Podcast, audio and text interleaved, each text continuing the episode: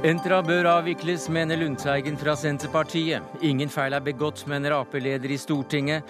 Og hva sier settestatsråden fra SV til det? UDs besettelse av fredsarbeid vil ødelegge for Norge i framtida, sier forsker, og møter utenriksministeren til debatt. Universitetene er misfornøyd med statsbudsjettet. Det hjelper lite å ta to skritt frem når resten av verden løper, sier rektor. Og en av punkerne i Pussy Riot slipper fri etter ankebehandlingen i dag. Kreml er involvert, mener ekspert.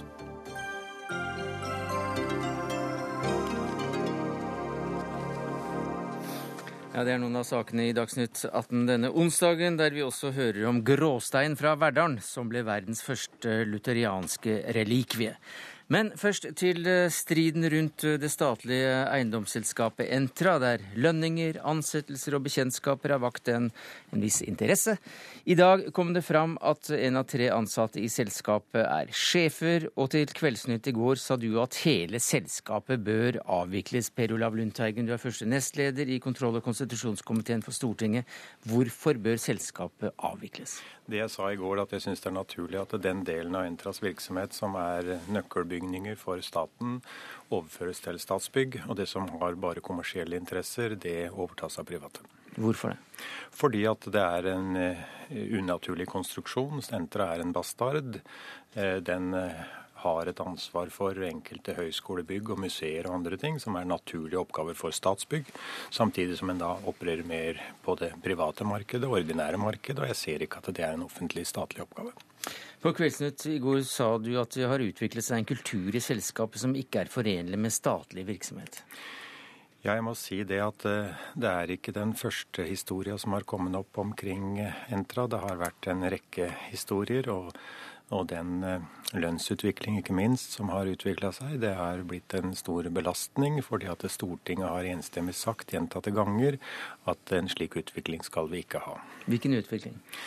En utvikling hvor at det eh, prises da de lederne til eh, nivåer som er eh, høyere til og med enn det som er i sammenlignbare private selskaper. Det er fire milliarder mye penger i den sammenhengen. Fire millioner kroner er altfor mye. Det er altfor mye. Så mye verdt er ikke en god leder i Entra verdt.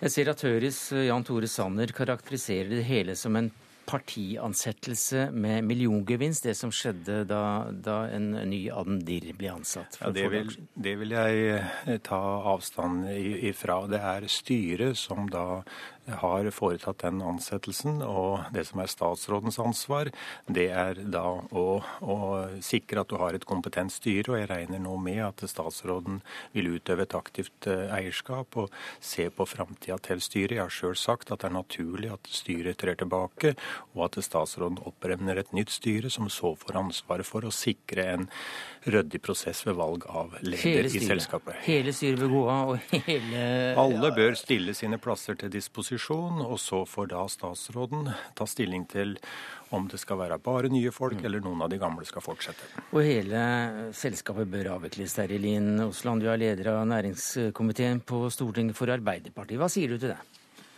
Aller først har jeg lyst til å si det at det Nå er det litt over et år siden Stortinget sist behandla eierskapsmeldinga. Eh, og da var blant regjeringspartiene veldig klarhet i at en ønska å opprettholde Entras eh, som selskap, og at den ønska å opprettholde det statlige eierskapet. Men den sa en ting til. Den ønska en veldig brei gjennomgang av eiendomsporteføljen. Eh, finne ut hva som mm. er hva. Og samtidig da vurdere om noe av det skal overføres til Statsbygg, og eventuelt en børsintroduksjon. Men siden du ville si det først, så kan vi ta den ballen, Lundteigen. Hvorfor har du da skiftet mening etter at du sandpåstrødde dette forslaget i fjor? Altså, er det, er det kameraderi, påstandene om kameraderi, som gjør at du nå går ut? Det er behovet for å få klare linjer. Og I hva da? I hvordan Entra og den virksomheten skal drives videre. Jo, jeg... Men er det pga. ansettelsesforhold og påstand om kameraderi, eller er det rent eh, rasjonelt hvordan eh, tingene bør, bør ordnes ut fra eierskapet? Det er rasjonelt ut fra eierskapet, ut fra de erfaringene som vi har med Entra som selskap hittil. For Entra skal nå eh, drive sin virksomhet da bare til de eh, byene i Norge hvor prisstigning på eiendom er, er størst.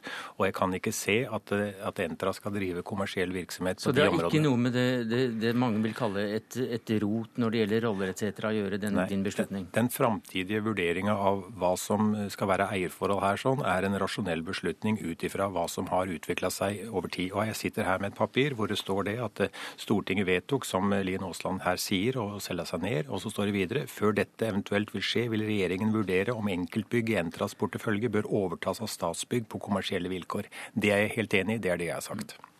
Ja, og Det er en helt annen tilnærming til eh, problemstillingen rundt Entras framtid. Jeg tror det er viktig at vi også tar utgangspunkt i at vi som, skal vi si, som i forhold til Stortinget, når vi setter retningslinjene og rammene for det statlige eierskapet, må være også tydelige og konsekvente på det vi gjør. Og Da må vi forholde oss til det vi sa for knapt over et år siden. Hvis ikke så blir det litt useriøst og en litt tendensiøs tilnærming, etter min mening. Useriøst, Lundteigen? Jeg syns han skal være forsiktig med å bruke sånne ord i denne saken. Entra har vist seg eh, sånn skikka at de ikke har takla de oppgavene de er eh, satt til å forvalte. Og der kommer de i en situasjon at det måtte opprettes en settestatsråd i forlengelsen av det hele. Og settestatsråden skal nå ta stilling til eh, hvilke som skal være av styret, og styret skal ta mm. stilling til hvem som skal administrere det, Mm. Og jeg regner med at regjeringa ganske raskt tar stilling til hva som er framtida for selskapets bygninger. Det er i hvert fall ingen god håndtering av et selskap at den skifter mening etter hvert som eh, månedene mm. ruller. Det er viktig å holde fast ved, ved, det som er sagt i Stortinget, og det er veldig tydelig. En skal ha en gjennomgang av Entras eiendomsportefølje og se på hvordan en håndterer den, og så vurdere en eventuell børsintroduksjon med et statlig nedsalg på inntil to tredjedeler. Det er det som ligger i Stortingets vedtak, og det er det flertallet har eh, lagt til grunn for, eh, for selskapet. Og det er en veldig tydelig også inngang til eier i forvaltningen av selskapet, og hvordan en eh, gir retningen og kursene. Du vingler her. Jeg refererer her til det som står fra offisielle, offisielle uttalelser fra selskapet og hvor det står, jeg kan gjenta det, før dette eventuelt vil skje, altså eh, selge seg ned til 33% så vil regjeringen vurdere om enkeltbygg i Entras portefølje bør overtas mm. av Statsbygg på kommersielle vilkår. Det er en klok beslutning, fordi at eh, Entra eier i dag museer og høyskoler som det er helt unaturlig at eh, ikke Statsbygg skal eie. Det er Statsbyggs ansvar. Men så tilbake da til eh, dette, disse påstandene om, om rot og rør i ansettelsesforhold. Du sier også at hele styret eh, bør stille, sin stille sine plasser til disposisjon. Eh, hvorfor det, da? Sjølsagt fordi at det har jo nå blitt skapt sånn usikkerhet rundt hele prosessen, og tilliten til styret er jo klart svekka. Hva, hva er det som er klanderverdig her, da? Ja, det har da kommet fram, hva som er klanderverdig. Ja, jeg vil gjerne høre dine ord på det. Det er måten som ansettelsesprosessen har foregått på, og det som her blir sagt i forhold til habilitet og inhabilitet rundt det der sånn, det er jo noe som er, alle er kjent med. Nå Er det jo settestatsråd. Er du også kjent med det? Nei, altså det som er viktig nå, det er jo at nå har han fått oppnevnt en settestatsråd. Settestatsråden må gå inn og innhente fakta. Mm. Og så raskt som mulig eh, klare å fatte en konklusjon. Og da vil det jo avklares basert på fakta og ikke det som står i media, hvorvidt ting har vært uryddig. Eh, og at eh, det da påhviler settestatsråden å sørge for at, eh, at tilliten til, til selskapet igjen blir oppretta. Så foreløpig er det ingenting som tyder på at ting har vært uryddig etter ditt syn? Det vil ikke jeg si. Jeg vil si at ut ifra det mediebildet som nå ligger omkring mm. Entra, så er det absolutt behov for settestatsråden til å gå ordentlig inn i saken. Den er alvorlig, sånn som mm. det spekuleres i media. Og hvis de tilfellene blir avdekka gjennom fakta, så er det settestatsrådens mm. oppgave å rydde opp i det. Og du, Det er deg, det, Bård Vegar Solhjell, miljøvernminister finansminister og også nå settestatsråd for Trond Giske i eh, denne saken. Det ligger vel ikke i ditt mandat å legge ned hele selskapet, men hvordan arbeider du nå fram for å ta stilling til det du er blitt satt til, nemlig å rydde opp når det gjelder styrets behandling? Jeg har satt i gang det arbeidet, og det viktigste jeg vil gjøre, er å gå veldig nøye inn i hva som faktisk har skjedd i styret rundt ansettelsen av ny administrerende direktør, og få opp alle fakta meg. Og så vil jeg være i dialog med styret om det, eh, gå grundig inn i saken. Og så raskt som jeg vurderer forsvarlig, komme tilbake igjen eh, med de grep som jeg mener staten som eier nå må ta. Betyr det at hele styret står i fare for å måtte gå? Det betyr at jeg ikke har tatt stilling til noen av de spørsmålene som nå ser mange diskuterer enda. Når er, du, når, når er det du vil ta stilling til dette? jeg vil ikke gi deg et tidspunkt nå. Jeg tror, jeg tror liksom at både den offentlige debatten rundt det her og selskapet fortjener at det behandles skikkelig og grundig, og kanskje litt mer grundig enn en del av de medieutspillene nå. Jeg skal gjøre det så raskt som jeg vurderer forsvarlig. Jeg gir det veldig høy prioritet eh, dagen. Og skal komme tilbake når vi har et løp i det. Tirsdag tok altså da Solhjell eh, over som SV-er, også over saken fra næringsminister Trond Giske fra Arbeiderpartiet, som har erklært seg inhabil. Og nå er det du som en kjent Senterpartiprofil som vil legge ned hele selskapet. Da har vi for så vidt eh, alle de tre rød-grønne representert i denne saken. Ja, vi har det jo. Trond Giskes opptreden, den er eh, god. Han har på et veldig tidlig tidspunkt i vår erklært seg inhabil, og har da opptrådt sånn som en skal gjøre i det. Så har det da i ettertid vist seg de problemene som vi har, og det er da viktig å få en diskusjon om realiteten i saken, og det er knytta til hvem skal være det framtidige styret. Hvilke leder velger så styret til administrerende mm. direktør, og hvordan skal en håndtere den eiendomsmassen? Solhjell, hvorfor tror du Stoltenberg ba deg og ikke en partifelle ta over for Giske i denne saken? Det tror jeg er fordi at det kommer jo påstander om at det, det her liksom har en partidimensjon. At en, du refererte sjøl til en partiutnevnelse, som Jan Tore Sanner kalte det. Jeg tror jeg han eh, vurderte det sånn at det ville være klokt om en statsråd fra et annet parti enn Arbeiderpartiet saken. Og det er en vurdering jeg ble helt enig i.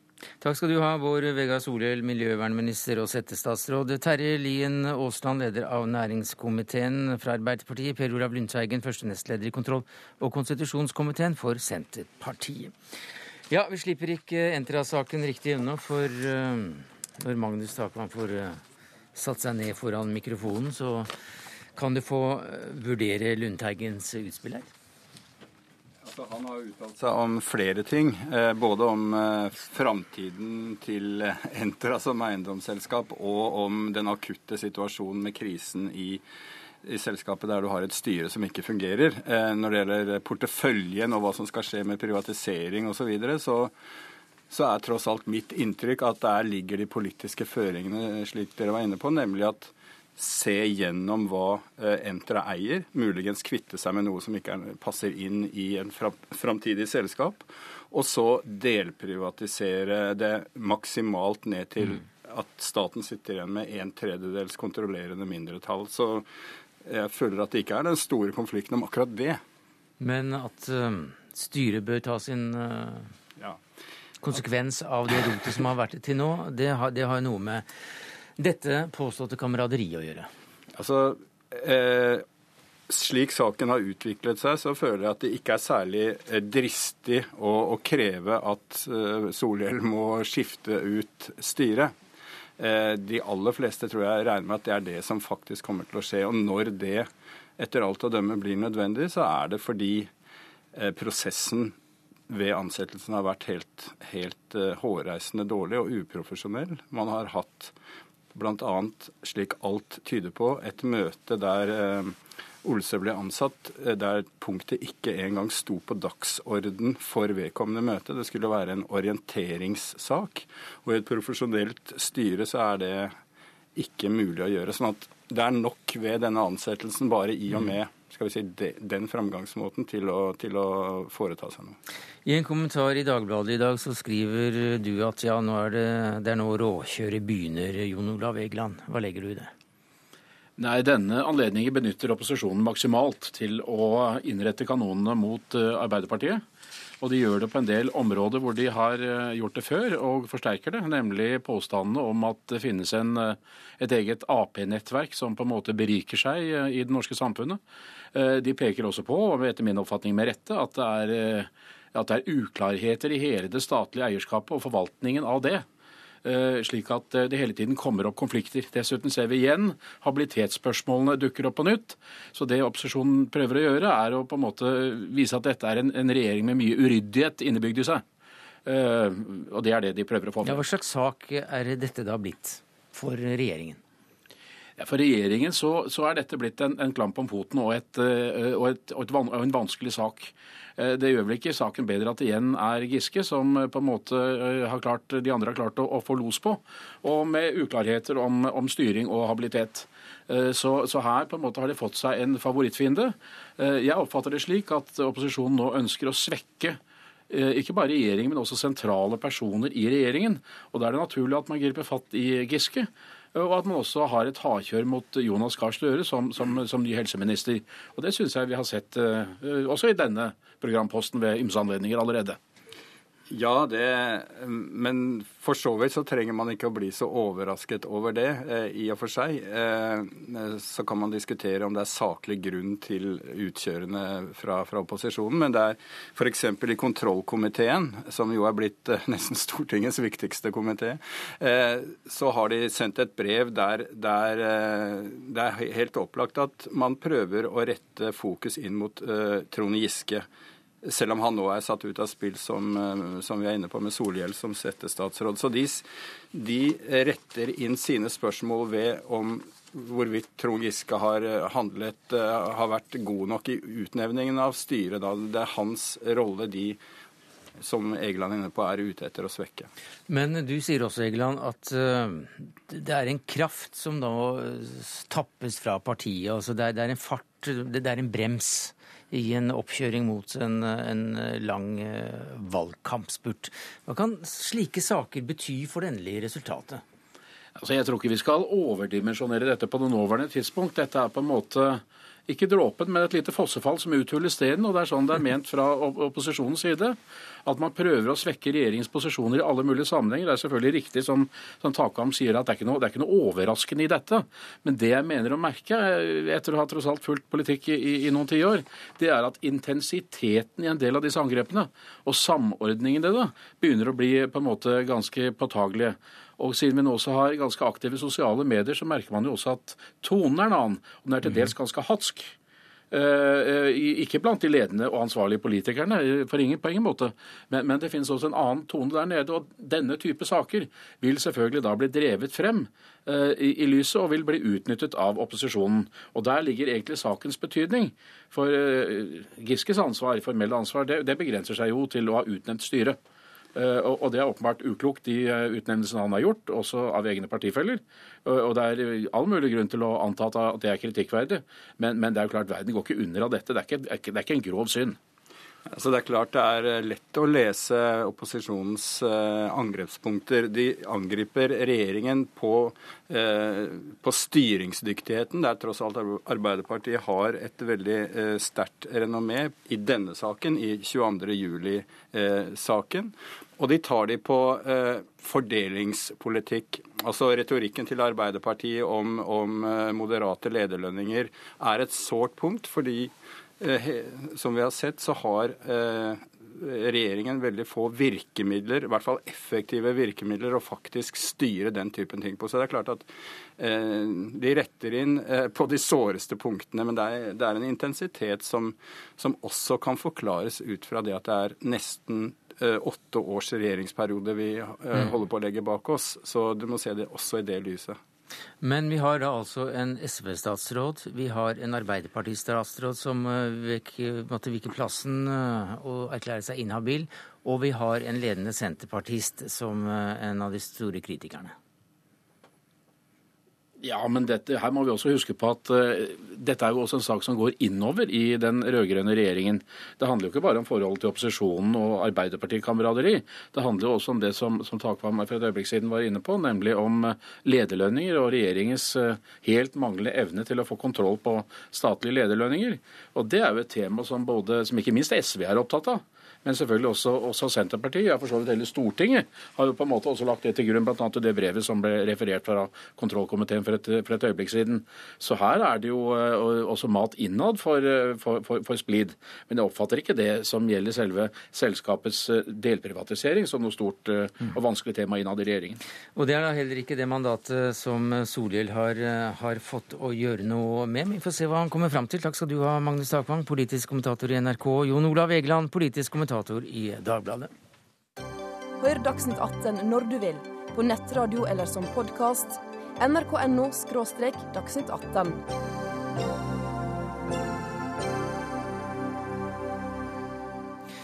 Arbeiderpartiet bygger merkevaren fredsnasjonen i en slik grad at det er blitt en besettelse. En besettelse som stjeler norske talenter og ressurser fra oppgaven med å skape en robust utenrikspolitikk for en ny tid. Ja, Det skriver du i Dagens Næringsliv i dag, Stina Torjussen. Du er førsteamanuensis ved Universitetet i Agder. Hva legger du i det? Uh, ja, det jeg mener er at uh, altså dette har på en måte to, uh, to, sider i seg. Det ene er at vi må stille spørsmålstegn om vi, om vi bygger fred godt nok. og det andre er om vi er systematiske og slagkraftige nok når vi jobber opp mot de nye stormaktene. så jeg mener at vi, dette er et godt tidspunkt i 2012. vi ser en, en, et nytt verdensbilde som, som toner frem. Og Da er det nyttig å ta en pust i bakken uh, og se om det er fred som vi vil ha som, som ledestjerne i utenrikspolitikken. Ja, hvorfor er ikke det så lurt, slik du ser det? Uh, når det gjelder fred, så er det viktig å tenke på fred som, som to ulike ting i, i, norsk sammenheng. Det ene er fredsdiplomatiet, der Norge tjener som en fredsmekler eh, i ulike konflikter. Det andre er fredsbygging, der Norge bidrar med ressurser eh, til, til, store freds- eller gjenoppbyggingsprosjekt, der man søker å, å, å, å takle konflikter ved roten eh, og gjenoppbygge samfunn. Eh, jeg mener at begge disse to feltene har problemer i seg, sånn som det står nå. Har vært, eh, vi har gjort veldig mye bra på det frem til, til, nå, men fremover så mener jeg vi har problemer. Hvorfor det? Jo, på diplomatisiden så ser vi fra rapporten som Christian Michelsens institutt nettopp gjorde på evalueringen av innsatsen i, i fredsarbeidet i Sri Lanka, så ser vi at en endra geopolitisk eh, situasjon gjør det vanskeligere for Norge å spille den rollen vi spilte mm. når USA var eh, den stormakten. Fordi Kina og andre land kommer inn og gjør det til et mer komplekst bilde, hvor Norge da med sin myke makt ikke nødvendigvis er så effektive som, som vi var før i tida. Ja, for du skriver at Norge har eh, vært begunstiget uh, under eh, USAs verdensregime, og at vi, det passet godt da å være en, en fredsnasjon. Mens det samme ikke nødvendigvis er tilfellet når, når, Kina nå fosser fram. Ja, jeg tror dette, jeg tror dette blir vanskeligere å, å, være den konstruktive aktøren som mm. vi var. Dessuten så gir det heller ikke, hvis det er et mål, da, gir det heller ikke en instrumentell uttelling eh, for Norge ved å posisjonere oss, ved å gi oss tilgang til, eh, til, USA og gi oss den, eh, den, den prestisjen når vi tenker opp mot de andre nye stormaktene som skal eh, komme til i, i det internasjonale systemet. Espen Barth Eide, utenriksminister. Du får den i fanget. Også en personlig oppfordring fra forskeren her om at du bør bruke din tid i UD til å få fram en forandring, et nytt paradigme. Ja, og eh, det jeg er enig med eh, Stina Torjussen i, det er at eh, det er svært viktig nå å legge vekt på å styrke båndene til de nye fremvoksende stormaktene. Det er et synspunkt jeg har i dag, og som jeg har hatt i mange år, og også hatt gleden av å diskutere med Stina Torjussen mange ganger før, at vi er nødt til å se det vi kaller østvendingen. Mm. Altså at det geopolitiske maktsentrum flyttes vekk fra Vesten, over mot Asia, mm. men også mot Latin-Amerika og i noen grad Afrika. Men så da denne besettelsen ja, eh, om fred. Men Derfor er jeg svært opptatt av at et helt bærende poeng for norsk utenrikspolitikk er å bygge relasjoner nettopp til Brasil, til India, til Indonesia, til flere av disse eh, nye statene, som altså blir, blir nye stormakter og dominerer den internasjonale agendaen. Eh, så Der er jeg enig med Stina Torjussen. Men så mener jeg at der hvor jeg er litt uenig, det er forestillingen om at vårt arbeid i konkrete Eh, fredsprosesser eller demokratiseringsprosesser ikke er relevante for disse statene. For jeg har nå nettopp hatt eh, ganske omfattende kontakt med flere sentrale asiatiske utenriksministre. Og hvis det er én ting de er interessert i nå, så er det det arbeidet Norge gjør i Myanmar. Altså det landet vi pleide å kalle Burma. Eh, og vi er tungt inne, og hvor f.eks. Indonesias utenriksminister mener at det er et felt for nært samarbeid med Norge. Da får vi også en inngang til å styrke allerede gode bånd til Indonesia. Når jeg snakker med min kollega Patriota i Brasil, så snakker vi mye om næringsfremme og olje og gass og tilretteleggelse for norsk eh, næringsliv, men også felles engasjement eh, på Haiti f.eks. Mm. Torjussen, det er også en, eh, en, god inngang for å skape nye allianser og komme seg opp og fram internasjonalt, også det å drive med fred? Ja, det, det er gledelig å høre. Og, og først vil jeg bare si at eh, det er jo sånn sett utfordrende å, å diskutere denne saken med Espen Barth Eide, som nettopp har løftet den agendaen veldig godt frem eh, i, i Jo, men det er det du har valgt nå, det- og du har utfordret ham Ja, to steder i artikkelen din, Så så, du får jammen stå for det. Ikke sant? Ja. eh, Og da er det det å si på altså på den ene at det gir oss, eh, det gir oss eh, eh, prestisje og innpass eh, innenfor de nye statene. Det er gledelig å høre. Samtidig så er også poenget med debatten, nei, med, med kronikken min er bare å sette det fram som et spørsmål. Er vi helt sikre på at det er nettopp denne linja eh, i utenrikspolitikken vår som gir oss den best mulige eh, resonansen Mm. eller, eller kontakten opp mot disse statene? Har vi, jeg, jeg ser ikke at vi har stilt oss det spørsmålet. Nei, men Fremfor Tor- Tor- jeg må nesten få avbryte deg. For Ja. du, du skriver ikke, du vil ikke bare stille spørsmål, du skriver at det er en besettelse, dette med fred, Ja. eh, som stjeler norske talenter og ressurser fra oppgaver med å skape en robust utenrikspolitikk for en ny tid. Ja, og, det, og, det, og der kommer mitt andre poeng. Altså, for det første så er jeg bare interessert i en debatt rundt, eh, rundt eh, utenriksministerens eh, påstand om at vi får, eh, vi får bedre innpass. Det, det syns jeg er gledelig hvis det er tilfellet, men jeg tror det er lurt å undersøke det nærmere. Punkt to er dette med eh, at vi må se på altså Sånn som freden fungerer i eh, norsk organisasjonsliv eh, og i norsk politikk, så er det en, en driver for mye av aktiviteten. Så vi har et helt system rundt fred i Norge. Og spørsmålet mitt er eh, om vi ikke kunne brukt dette, all, all den kapitalen, om du vil, som, som ligger i dette, på en annen måte når vi går fremover. Jeg ønsker den debatten varmt velkommen. Jeg er glad for den kronikken. Jeg syns det er som sagt innledningsvis mye, mye interessant i det. Og jeg mener at altså, Jeg har jo ikke brukt ordet fredsnasjon eller eh, så langt eh, rukket å påstå at mitt, eh, min hovedinteresse er å, å drive enkel fredsprosesser. Tvert imot har jeg lenge sagt at uh, Norge skal ha en eh, utenrikspolitikk for land som ikke virker, men vi skal definitivt ha en utenrikspolitikk for land som virker også. Eh, Og, og i forhold til eh, de to bærende elementene i norsk utenrikspolitikk, som er å fremme norske interesser og å bidra til en bedre organisert verden. Og det er også i vår interesse. Altså, Mer fred, med orden, sterkere multilaterale institusjoner er bra for et lite land som er globalt engasjert. Men du hører Havre... bekymringen for at Jo. dette tar for mye tid og energi, og for bra folk som bare bruker tida si på dette? Jo, men altså, vi har, det det er få ting vi har brukt så mye tid og energi og kloke mennesker på som å fremme havrettens betydning i Norge. Det er altså et fantastisk instrument eh, for å tjene penger. Alt vi lever av, er enten under havet, i havet eller oppå havet.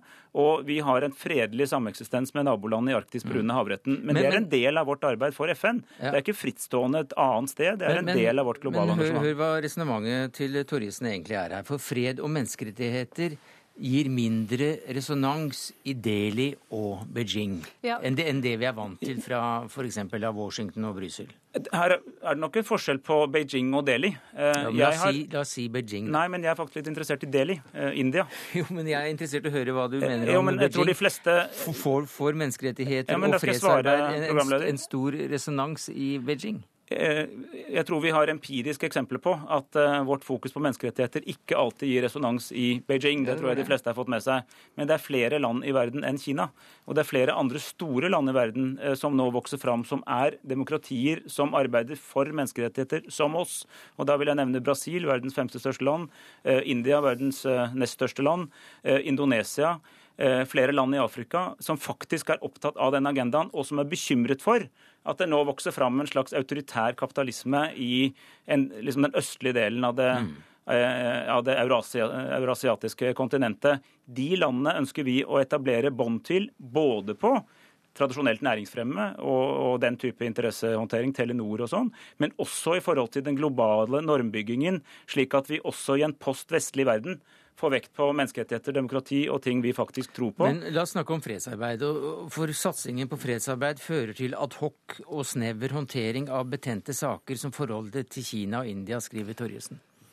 Ja, kan jeg, kan, jeg, kan jeg komme inn og pres, pre, presisere litt på det punktet? Eh, altså, uh, her har vi to ulike saksfelt. Uh, ikke sant? Du har engasjements... Eller, eller det du gjør som eh, programleder. Man har to ulike uh, felt. Du har engasjementspolitikken på det ene feltet, og så har du interesse, eh, interessefremmende på den andre. Mitt poeng er ikke å si at, eh, at vi bare skal fremme norske interesser. Det, det, det er ikke mitt poeng. Mitt poeng er at når vi både fremmer norske norske interesser, og når vi eh, jobber med engasjementspolitikken, så må vi tenke på om det er fred som er den, den riktige røde tråden for mye av de ressursene som vi stiller bak, bak dette arbeidet. Men, men mitt, mitt, til Stine, at jeg mm. gjentar at jeg ønsker den debatten velkommen. Jeg syns det er en viktig debatt, og vi skal i hvert fall ha en debatt om hvordan vi forholder oss til at våre tradisjonelle allierte ikke lenger setter alle agendaene, fordi at eh, det meste av verdens bruttonasjonalprodukt nå ikke skapes i Vesten, men i resten av verden. Det er en kjempeviktig debatt.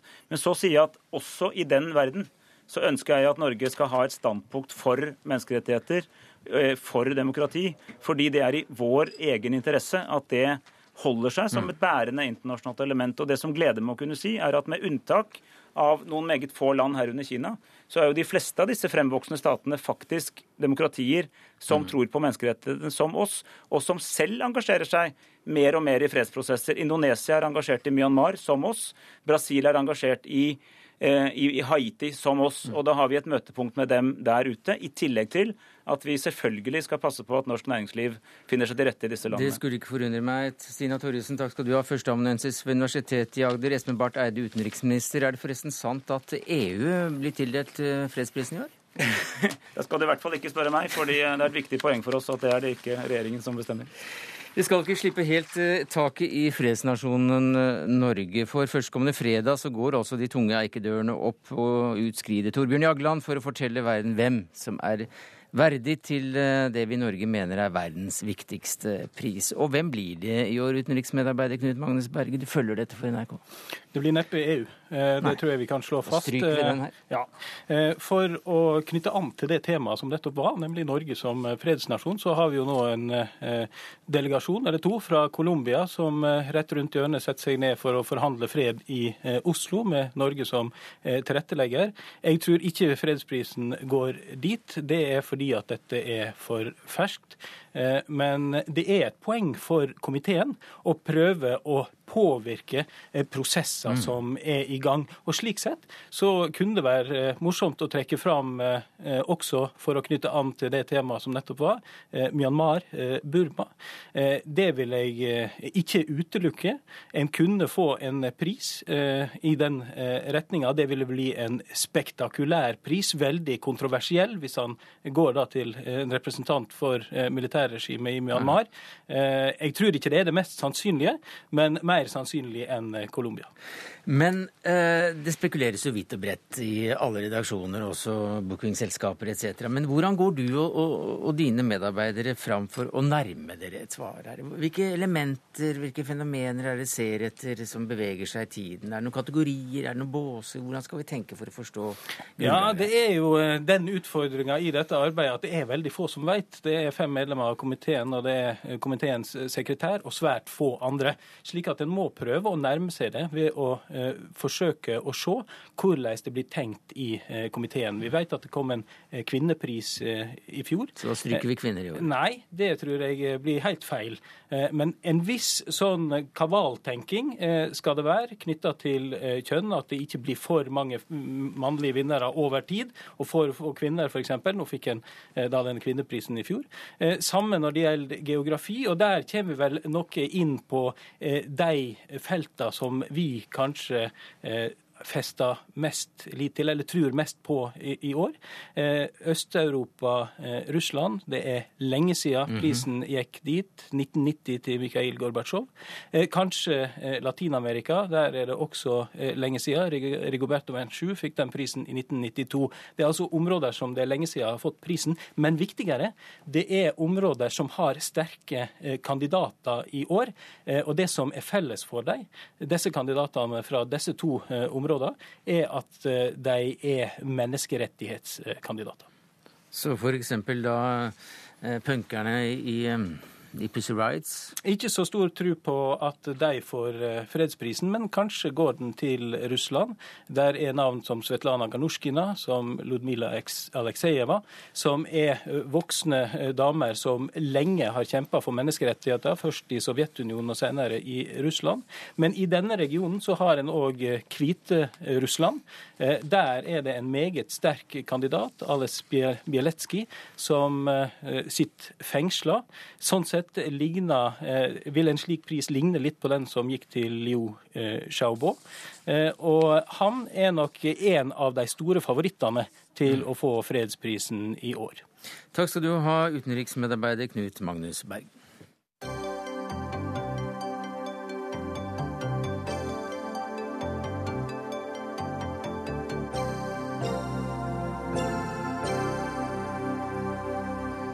Det blir altså antagelig ikke noen pris eh, til Pussy Rights, eh, Ragnhild Holmås, Russland-ekspert og informasjonsrådgiver i Flyktninghjelpen. Men eh, hva hadde du sagt da? Hvis Pussy Rights Nei, da hadde jeg blitt veldig, veldig overrasket, rett og slett. Den ene av de dømte i dette punkensemblet settes altså fri. Det ble klart etter anken i, som ble behandlet i en domstol i Moskva i dag. De to andre må sone sin fengselsstraff. Hvorfor slipper én fri? Eh, det er ikke helt sant at hun slipper helt fri. Eh, hun har fått en betinget dom. Eh, slipper fri fra fengsel? Ja, hun kan gå fri på gaten, i motsetning til de to andre, som da må i arbeidsleir i Sibir, mest mm. sannsynlig. forsvaret hennes prosederte i dag med at hun faktisk ikke hadde sluppet inn i kirken. Hun ble stoppet på vei inn i kirken, og dermed har ikke hun deltatt i den sangen og dansen på alteret som ba Putin om å, om å stikke. og det fikk de medhold i, rett og slett. Så dermed så slippes hun fri. Det har vakt sterke reaksjoner eh, at ikke alle blir frikjent. I Oslo så ble det arrangert en demonstrasjon som, eh, som ikke var anmeldt, og dermed ulovlig. Elleve personer ble pågrepet. Hva mener folk i Russland om, om en slik dom? Altså Her kommer vi kanskje til å bli litt overrasket her i Norge. Det var en spørreundersøkelse som ble frigjort på ja, i alle fall i forrige uke, eh, som viste at hele 43% av russere mener at to år er for lite mm. for det Pussy Riot eh, gjorde. Og enda tre av ti mener at to år er helt passelig. Så altså syv av ti russere mener at minst to år i fengsel er passelig for det som Pussy Riot gjorde. Ja, dette vil være veldig overraskende for oss. Det er bare 2% som mener at det er for mye, rett og slett. Mm -hmm. 2 2 som mener at det er for mye. Okay. Eh, mens her i Europa så er jo de nominert til EU-parlamentets Saharov-pris, altså mm. frihetsprisen, og det snakkes om fredspriser og, og, sånne ting. Så det er tydeligvis et veldig stort gap mellom hva vi mener, og hva russerne selv mener. Men det er jo litt forbausende i og med at eh, Kirken selv, som vi hørte Hans-Wilhelm Steinfeld rapportere fra Moskva i, i morges, eh, har sagt at de vil gå i forbønn for jentene eh, hvis de bare beklager? Ja, Det har vært veldig mange forskjellige signaler fra, fra Kirken. De har mhm. alt fra gått ut og, og kalt de satanister eh, og eh, ja, djevler og horer, eh, til nå å be, be forbønn. Eh, Riot beklaget i retten i dag at de hadde eh, såret religiøse følelser. Men de beklaget, beklaget ikke hva de hadde gjort, men de beklaget at noen hadde blitt såret.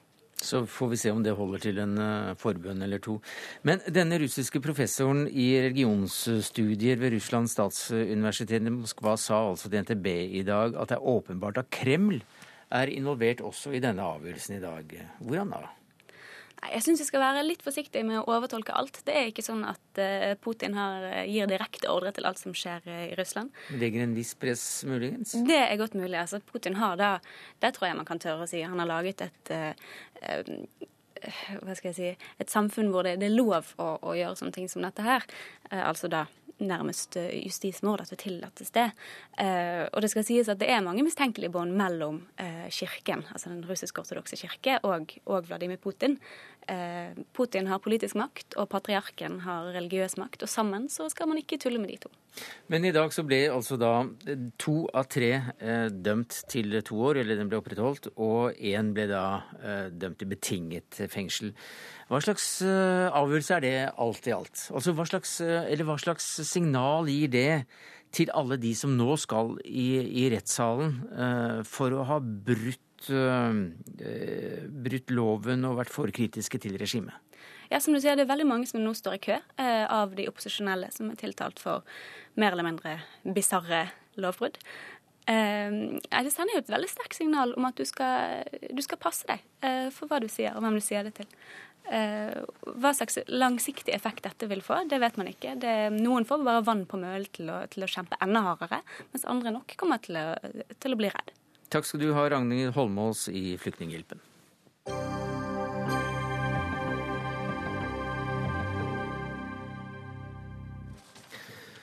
Det hjelper lite å ta to skritt frem når resten av verden løper. Ja, det sier du til Aftenposten, Ole Petter Ottersen. Du er rektor ved Universitetet i Oslo. Og hva er dette tilsynelatende logiske utsagnet et bilde på? Det hviler på det bildet som eh, vi har av eh, hva som skjer på forskning eh, på verdensbasis. At mange steder rundt i verden så satses det jo nå enormt på forskning og høyere utdanning. Man løper av gårde. Spurter. Og da må vi rett og slett også løpe fortere for å henge med. For vi er en del av et stort nettverk. Mens vi tar to skritt av gangen. Ja. Og det er for dårlig?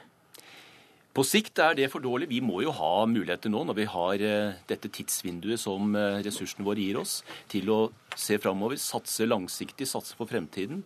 Og eh, da bør vi jo tenke på hvorfor gjør andre nasjoner det, som er i en dårligere økonomisk situasjon enn oss. Og svaret er enkelt. Dette er resepten for virkelig å satse på utvikling av vår nasjon framover. Og da er to skritt for lite. Men du, du, du, nevner altså land som Kina, som jo stormer fram øh, til målsnora. Men også land som vi bør sammenligne oss med. Hvordan er det i nabolandene?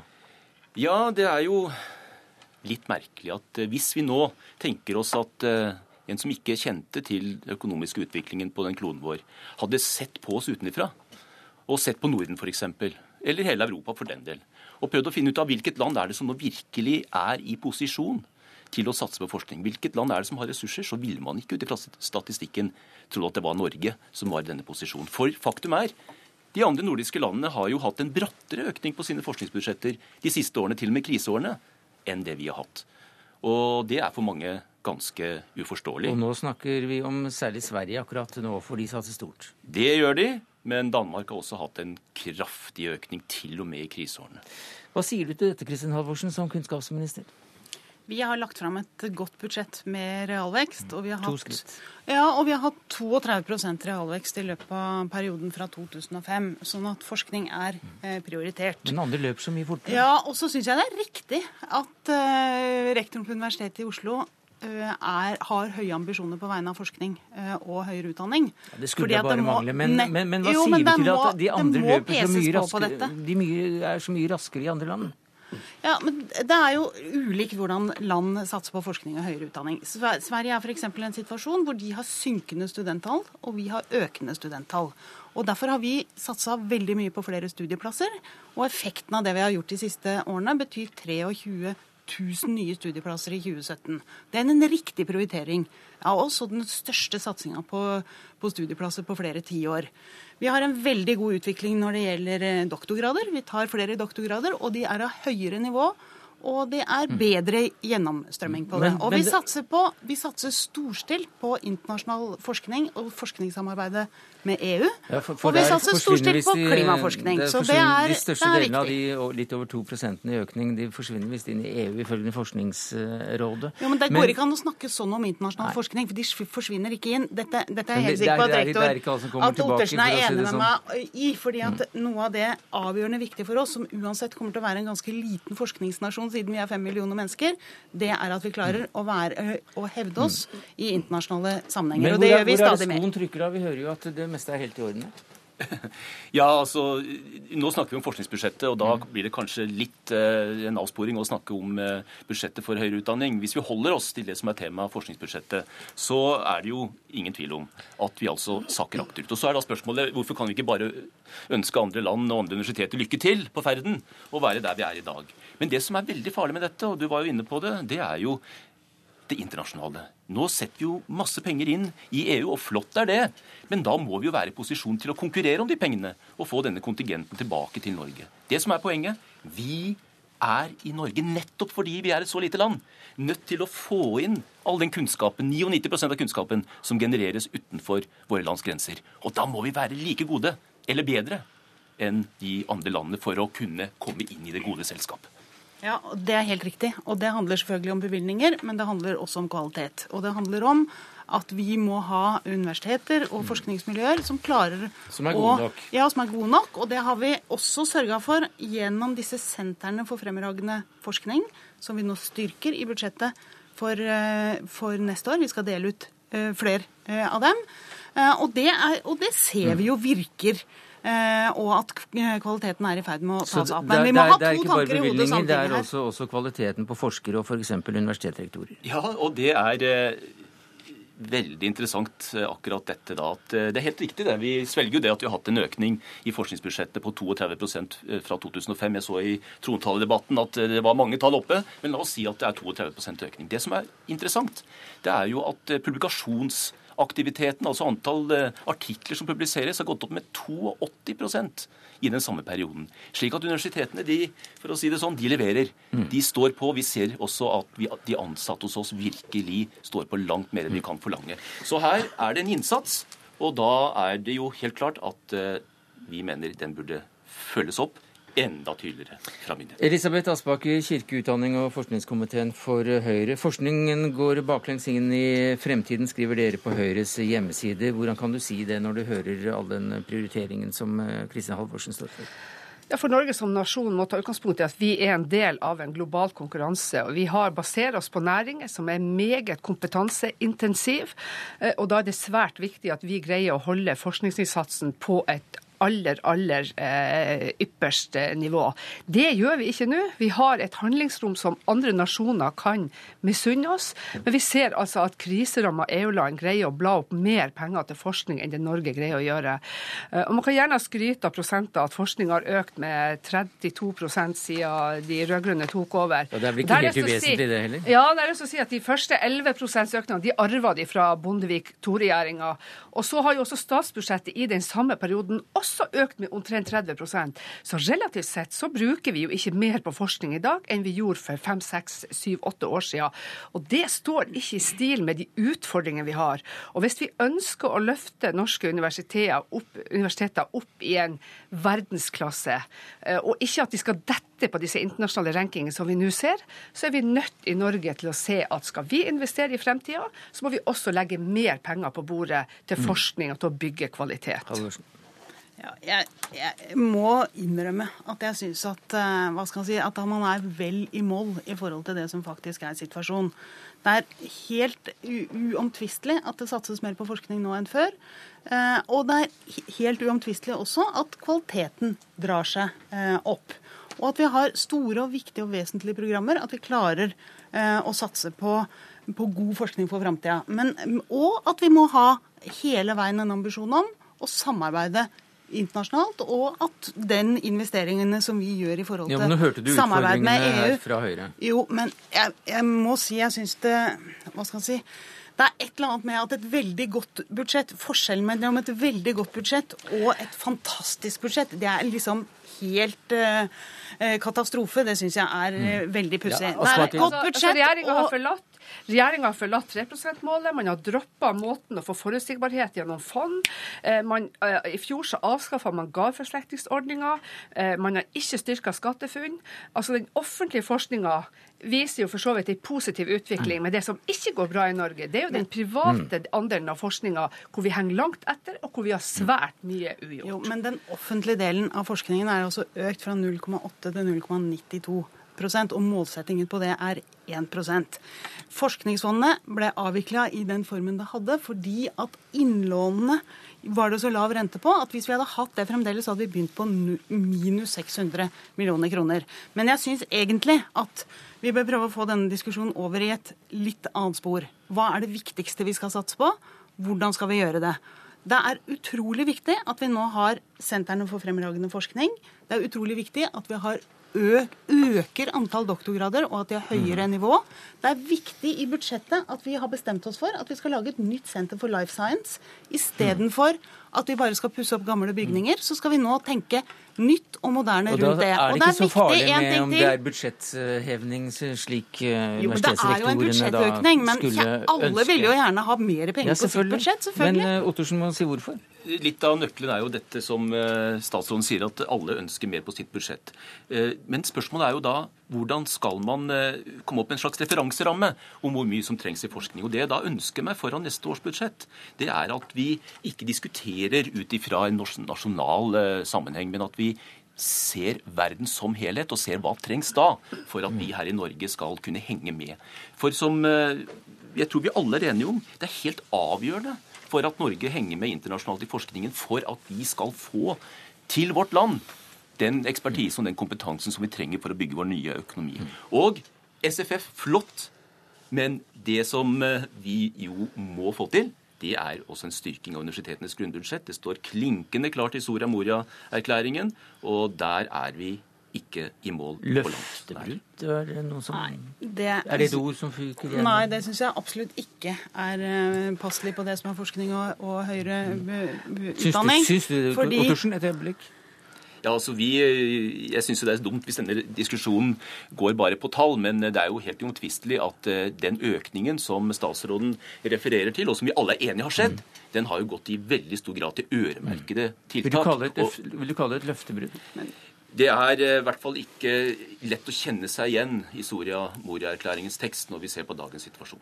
Takk skal du ha, Kristin Halvorsen. Nå ville du si mye på kort tid, men tiden er ute. Takk skal du ha, Ole Peter Ottersen og Elisabeth Aspaker.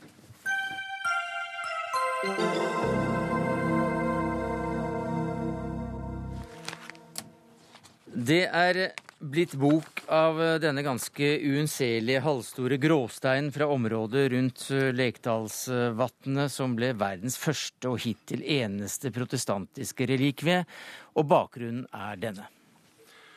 Torstein Knarresmed hogg til kong Olav med øksa. Og det hogget kom i venstre beinet ovenfor kneet. Finn Arneson drepte da straks Torstein. Da kongen fikk det såret, lente han seg opp til en stein og kastet sverdet og ba Gud hjelpe seg. Nå stakk Tore Hund til ham med spydet. Så langt Snorre Idar Kjølsvik, men denne historien om, om Olav som falt av og pustet, åndet ut ved denne steinen, er jo vært verdt sikkert øh, flere messer. Men nå er det også blitt bok av det. Olavsteinen på Stiklestad. Eh, Olav skal ha dødd ved denne steinen, slik du refererte til, Snorre. Olav Digre trakk sitt siste sukk, og du formidler fortellingen om steinen og fortolkningen. Hva er historien bak denne steinen, og finnes den? Ja, i dag så ligger den stein i alteret i Stiklestad kirke. Og etter alt å dømme så har den i alle fall ligget der da den steinkirka i 1180 ble bygd, og stein murt inn i alteret. Og i middelalderen så formidla den steinen da åndelige opplevelser og helbredelser, og folk var nok eh, ikke mye i tvil om at det var Olavstein. Men hvordan, hvordan kan vi vite det med en øh, viss grad av sikkerhet? At uh, den steinen lå i uh, alteret i kirka i middelalderen, det vet vi pga. Uh, de skriftlige kildene fra middelalderen. Snorre og Passio Olavi og hele den gjengen der. Uh, men eh, å slutte tilbake fra 1170-80 og til slaget i 1030, det kan man ikke gjøre med like stor sikkerhet. Men med en viss grad av sannsynlighet, ifølge boka. Ja, fordi at uh, hvorfor skulle man ellers ha murt inn den stein? Det var eneste grunnen til å mure inn den stein i alteret i middelalderen. Uh, det var jo for at folk eh, var av den oppfatning at det var den ekte Olavstein. Ikke sikkert dette beviset hadde holdt i en uh, rettssak. Men eh, historis, historievitenskap er noe annet. Det er større og mindre grad av Mm. sannsynlighet, og du har en stor grad av sannsynlighet at den lå der i middelalderen. Eh, hvordan øh, ser han ut? Han er ja, som en eh, alminnelig trøndersk kuppelstein. De fleste syns han er litt liten. Eh, For de har jo sett for seg Egedius sitt eh, kobberstikk fra den gamle Snorre-utgava. Og da var det mannshøy? Ja, brøsthøg. og nå så er han knehøg. Og ma- mange syns at han er litt liten. Men eh, det er da altså en stein som eh, du følger helt fra, fra før istiden i denne boka, og helt fram til eh, den ble en slags offisiell relikvie. Og eh, la oss ta det siste først.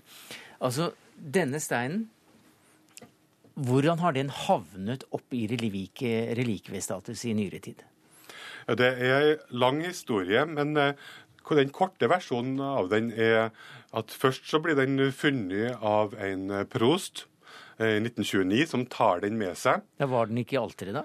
Eh, Den lå én meter foran alteret, en halv meter ned i jorda, og var troligvis gravd ned i reformasjonen en gang. For å ta vare på slik at ikke At ikke danskekongens menn skulle ta den og ødelegge den. Og, eh, men den dukker opp da kirka blir restaurert til 900-årsjubileet. Og prosten på stedet han tar den med seg av alle steder til Toten. Jo, jo, av alle steder. Det kan være greit for en stein å havne på Toten også, Ja. men hvorfor gjorde han det? Nei, fordi at han eh, Ja. eh, Hvis at du skal tolke det negativt, så stjal han og Olav Stein. Hvis du skal tolke det positivt, så tok han vare på den. Det var i 1929. Ja. Og siden har den ligget der. Og så ble den eh, stjålet en gang til av ja. Dagbladet sin journalist. Eh, og tatt med til Stiklestad. Eh, og Stiklestad kunne ikke beholde dobbelt tjuvgods, og den havna hos Riksantikvaren på Akershus. Eh, etter mye om og men kom den tilbake til Stiklestad. Og i 2005 eh, da starta en rettslig prosess som endte med at den ble ført tilbake og satt inn i alteret igjen. Og den prosessen, den har eh, har aldri sett maken til noen gang. For eh, der bestemmes det at eh, den skal legges inn i alteret på nytt.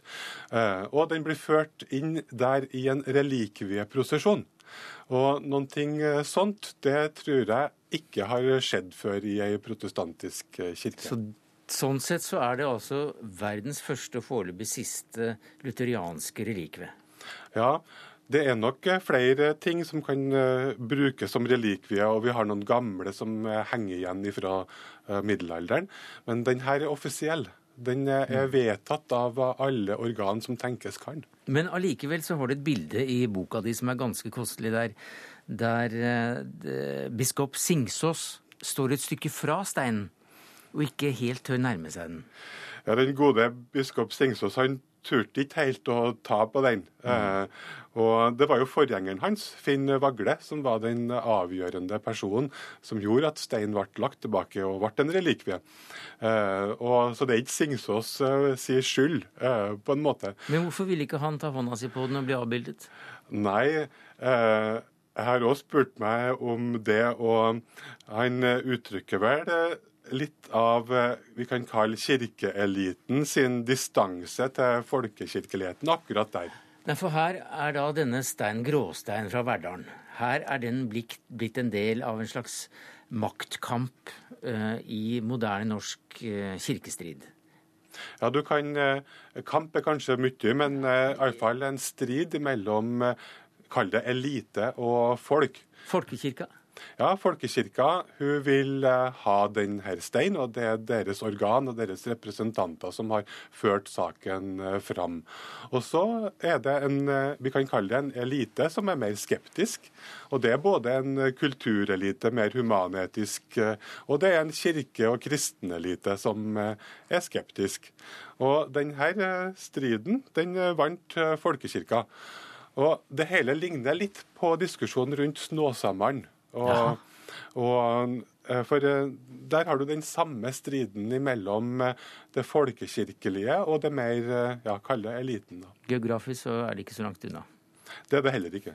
Men denne steinen, eh, hva slags plass har den i om ikke liturgien, så i hvert fall i, i, i tro og stell og styr rundt Stiklestad. For det er jo midt på Stiklestad den i dag ligger i alteret. Og den representerer jo i alle fall et pilegrimsmål. Eh, og folk kommer fra nær og fjern for å, å ta på, oppleve og uh, kjenne på stein.